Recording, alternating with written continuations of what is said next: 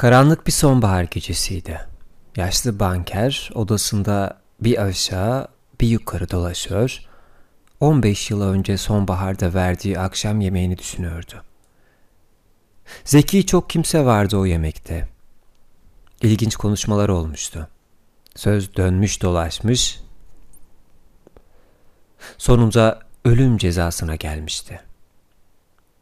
Aralarında çok sayıda bilim adamı, gazeteci olan konukların çoğunluğu ölüm cezasına karşıydı. Bu cezalandırma yolunun zamanı geçmiş, Hristiyanlığa ters düşen, tören dışı bir yol olduğu kanısındaydılar. İçlerinden bazıları ölüm cezasının her yerde ömür boyu hapis cezasına çevrilmesi gerektiğini düşünüyor, bu görüşü savunuyordu. Ev sahibi banker, sizin görüşünüze katılmıyorum diyordu. Gerçi ölüm cezası da yemedim, ömür boyu da yatmadım cezaevinde ama şunu söyleyebilirim. Bence ölüm cezası çok daha dürüst, çok daha insancıl bir çözüm yoludur. Ölüm cezası birden öldürüyor. Ömür boyu hapis ise yavaş yavaş Söyler misiniz sizi birkaç dakika içinde öldüren cellat mıdır daha iyi bir insan yoksa canınızı yıllar boyu ağır ağır çıkaran mı? Konuklardan biri ikisi de kötüdür demişti. Çünkü ikisinin de amacı aynıdır. İkisi de insanı öldürüyor sonunda. Devlet tanrı değildir. İnsanın elinden gerektiğinde geri veremeyeceği bir şeyi almaya hakkı yoktur. Konukların arasında bir de 25 yaşında genç bir hukukçu vardı. Onun da bu konuda düşüncesini sorduklarında şöyle demişti. Bence ölüm cezası da ömür boyu hapiste aynı derecede kötüdür ama ölüm cezasıyla ömür boyu hapisten birini çekmek zorunda kalsam hiç kuşkusuz ikinciyi seçerim. Nasıl olursa olsun yaşamak hiç yaşamamaktan iyidir. Heyecanlı bir tartışmaya girişmişlerdi. O zamanlar daha genç, sinirli olan banker birden heyecanlanmıştı. Yumruğunu masaya indirip genç hukukçuya doğru bağırmıştı. Yanılıyorsunuz. Bir hücrede tek başınıza beş yıl bile kalamayacağınız kalamayacağınıza dair iki milyona bahse girerim. Hukukçu, sözünüzde ciddiyseniz beş yıl değil 15 yıl kalacağıma bahse girerim diye karşılık vermişti. 15 yıl mı diye bağırmıştı mahker. Kabul. Kabul. Beyler 2 milyon koyuyorum ortaya. Tamam demişti hukukçu. Siz 2 milyon koyuyorsunuz. Ben de özgürlüğümü. Sonunda girmişlerdi bu korkunç saçma bahse. Bu bahis o zamanlar milyonlarının hesabını bilmeyen, paranın şımarttığı, dünyayı umursamayan bankeri çok heyecanlandırmıştı. Sofrada hukukçu, hukukçuya takılıyor, şöyle diyordu. İş işten henüz geçmemişken aklınızı başınıza toplayın delikanlı. Benim, benim için 2-3 milyon hiçbir şey değil. Ama siz yaşamınızın en güzel 3-4 yılını kaybetmek tehlikesini göze alıyorsunuz. 3-4 diyorum çünkü daha fazla dayanamayacaksınız. Şunu da unutmayın. Benim bahtsız dostum bir yere isteyerek kapanmak zorunlu kapanmaktan çok daha ağır gelir insana.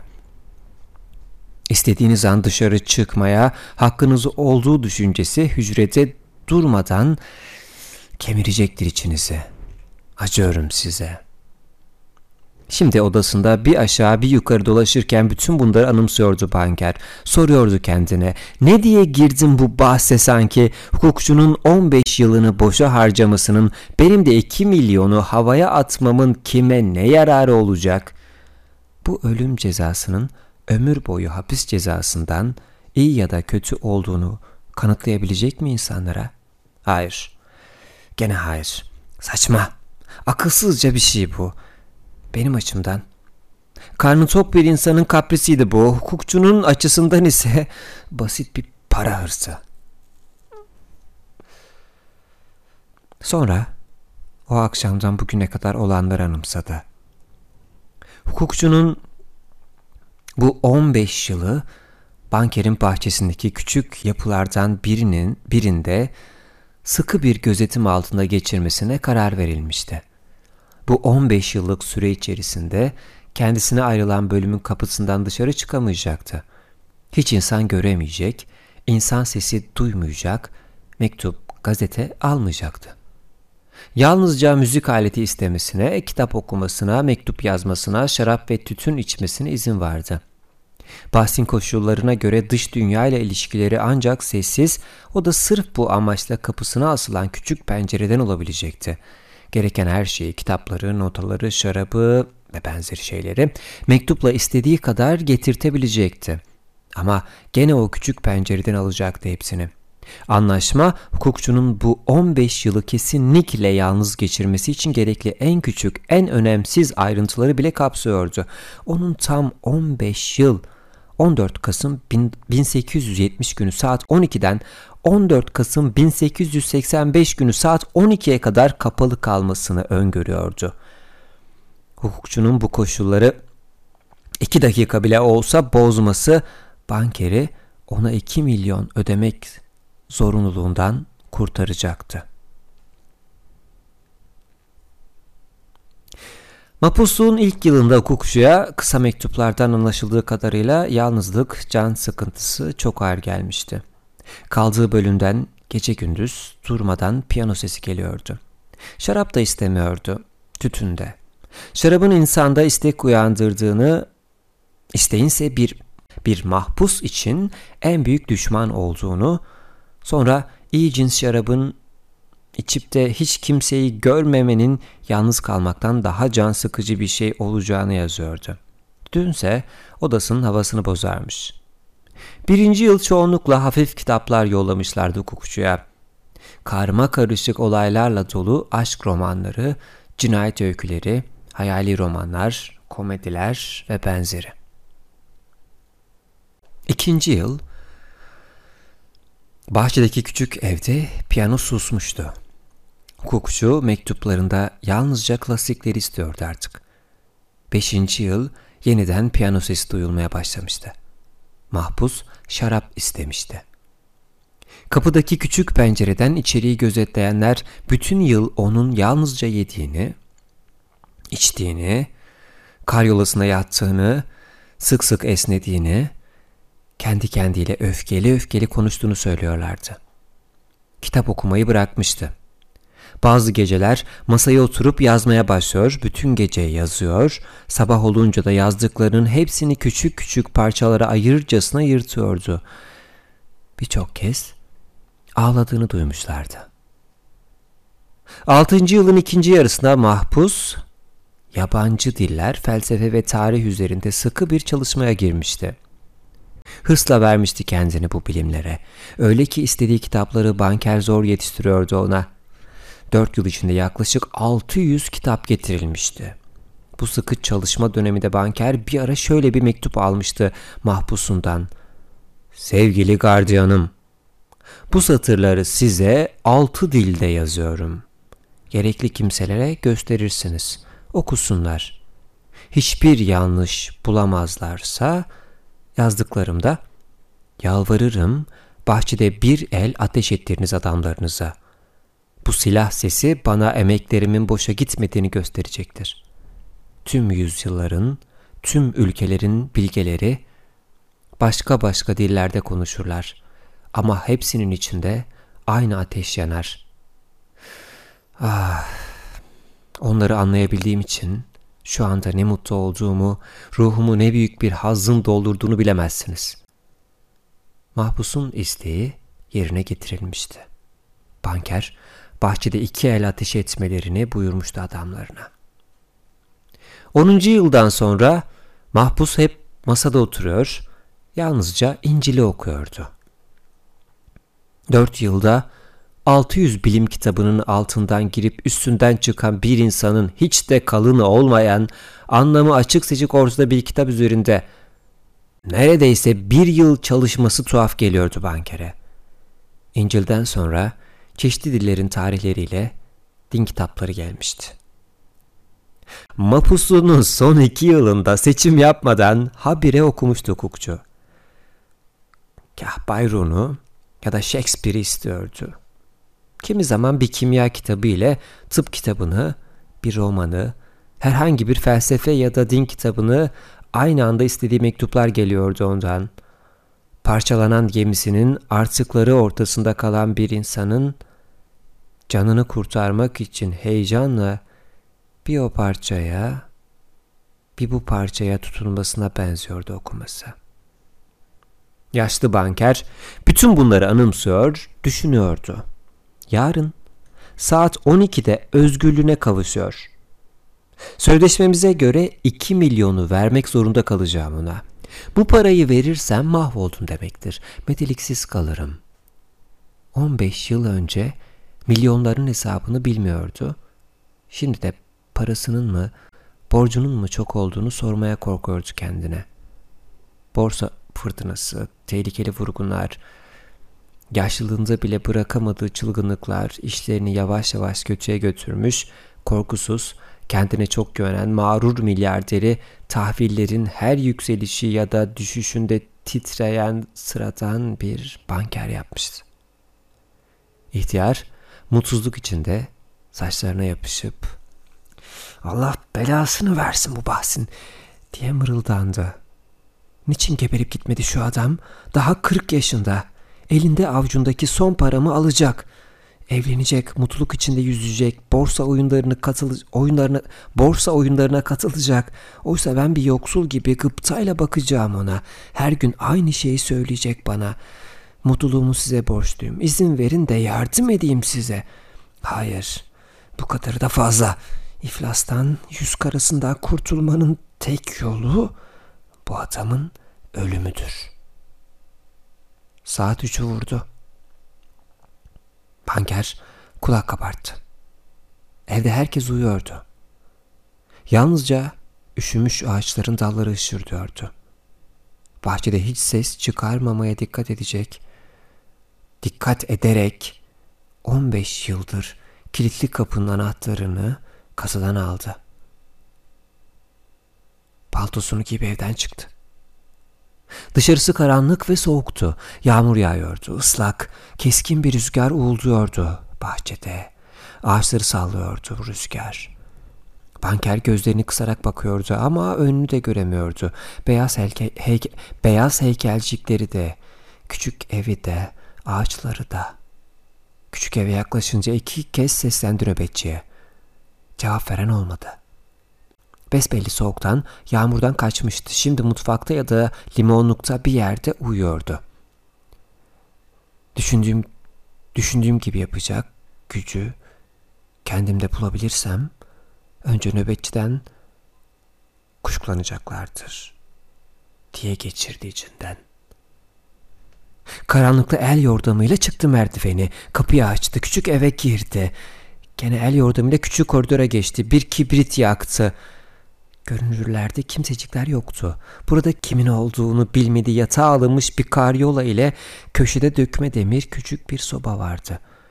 Mahpusun odasının kapısındaki mühür sağlamdı. Kibrit sönünce heyecandan titreyerek küçük pencereden içeri baktı. Mahpusun odasını yanan mumun cılız ışığı aydınlatıyordu. Masada oturuyordu mahpus. Yalnızca sırtı, saçları, bir de kolları görünüyordu. Masanın üstünde, masanın yanındaki iki koltukta, halının üstünde de açık kitaplar doluydu.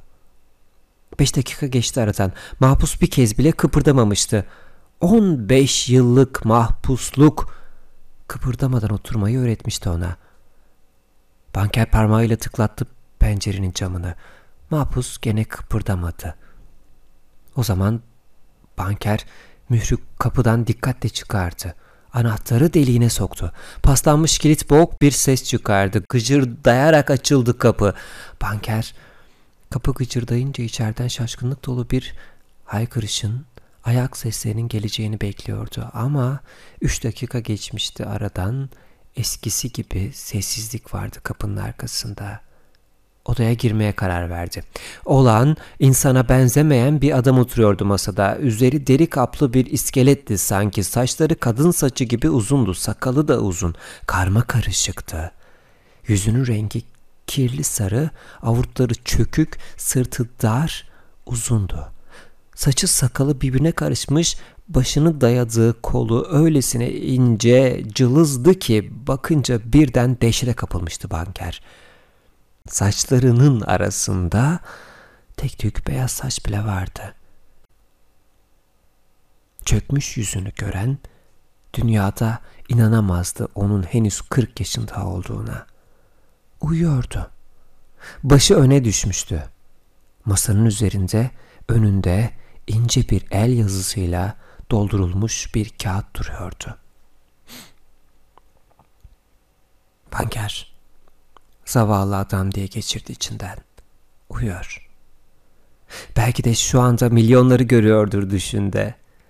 Bu yarı ölüyü tutup yatağın üzerine atmam, yastığı yüzünü hafifçe bastırmam yeter. En iyi niyetli bir bilir kişi bile cinayet izi bulamaz bunda ama önce bakalım Önce bakalım şu neler yazmış. Banker masanın üzerinden aldı kağıdı. Okumaya başladı. Yarın saat 12'de özgürlüğüme, insanların arasına girme hakkına kavuşuyorum. Ama bu odadan çıkmadan, güneşi görmeden önce sizlere bir, birkaç şey söylemek istiyorum.'' Şu anda beni gören Tanrı'nın huzurunda bütün açık yürekliliğimle söylüyorum size. Özgürlüğünde, yaşamında, sağlığında, kitaplarınızda, dünya nimetleri olarak adı geçen her şeyin de en küçük bir değeri, anlamı yoktur benim için. Dünyadaki yaşamı bu 15 yıl içinde dikkatle inceledim. Evet, Dünyayı da, insanları da görmedim ama kitaplarınızda mis kokulu şaraplarınızdan içtim. Şarkılar söyledim. Ormanlarda geyiklerin, yabani domuzların peşinden koştum. Kadınları sevdim. Yüce ozanlarınızın büyüleriyle yaratılmış bulutlar gibi göksel dilberler geldiler bana geceleri. Başımı döndüren çok güzel masallar fısıldadılar kulağıma. Kitaplarınızda Elbruz'dan Montblanc'ın doruklarına tırmandım. Oradan güneşin sabahları nasıl doğduğunu, akşamları gökyüzünü de, okyanusu da, dağların tepelerini de nasıl kızıl bir ışığa boğduğunu gördüm. Oradan başımın üstünde şimşeklerin bulutları yararak nasıl çaktıklarını gördüm. Yemyeşil ormanlar gördüm. Çayırlar, ırmaklar, göller, kentler gördüm deniz kızlarının şarkılarını, çobanların kavallarından çıkan ezgileri dinledim. Bana Tanrı'dan söz etmek için yanıma konan meleklerin kanatlarına sürdüm elimi. Kitaplarınızda dipsiz uçurumlara attım kendimi. Mucizeler yarattım. Öldürdüm. Kentler yaktım. Yeni dinler yaymaya çalıştım. Krallık yönettim. Bilge kişi yaptı beni kitaplarınız. Yorulmak bilmez insan zekasını yüzyıllardan beri yarattığı her şeyi kafatasımın içine sıkıştırdım. Hepinizden bilgili olduğumu biliyorum. Kitaplarınızı da, dünya nimetlerini de, bilgeliği de küçük görüyorum şimdi. Dünyada her şey boş, saçma bir serap gibi aldatıcıdır. İstediğiniz kadar mağrur olun, zeki, güzel olun ama ölüm sonunda tarla fareleri gibi silip götürecektir sizi yeryüzünden. Geride bıraktıklarınıza, tarihe, yüce kişilerinizin ölümsüzlüğüne gelince,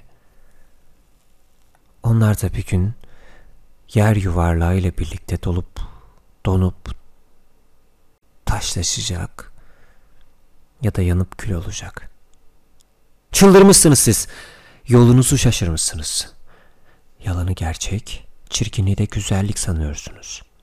Herhangi bir durum sonucu elma ağaçları, portakal ağaçları elma, portakal yerine birden kurbağa kertenkele verse ya da güller terlemiş at gibi kokmaya başlasa şaşırıp kalırdınız değil mi?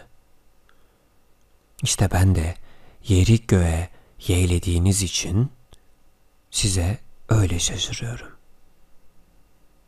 Anlamak istemiyorum sizi. Yaşamınızın temel değeri olan şeylerden iğrendiğimi davranışlarımla da göstermek için bir zamanlar beni cennete götürecek diye hayalini kurduğum, şimdi ise umursamadığım iki milyonu almayacağım. Bu parayı almak hakkında kendimi yoksun etmek için kararlaştırdığınız andan beş saat önce çıkacağım buradan. Böylece sözleşmeyi bozmuş olacağım.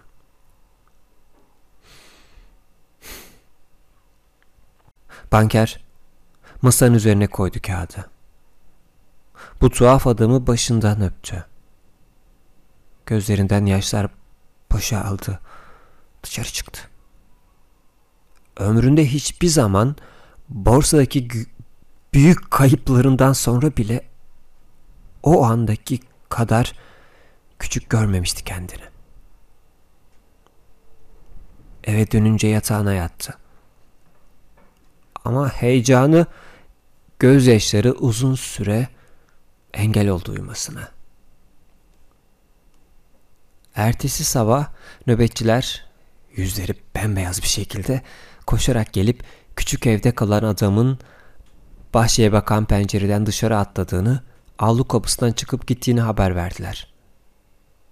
Banker hizmetçileriyle birlikte küçük eve koştu. Mahpusunun kaçmış olduğunu kendi de gördü.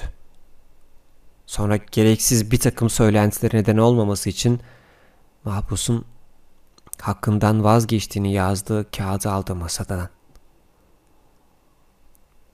Odasına dönünce kasasına kilitledi.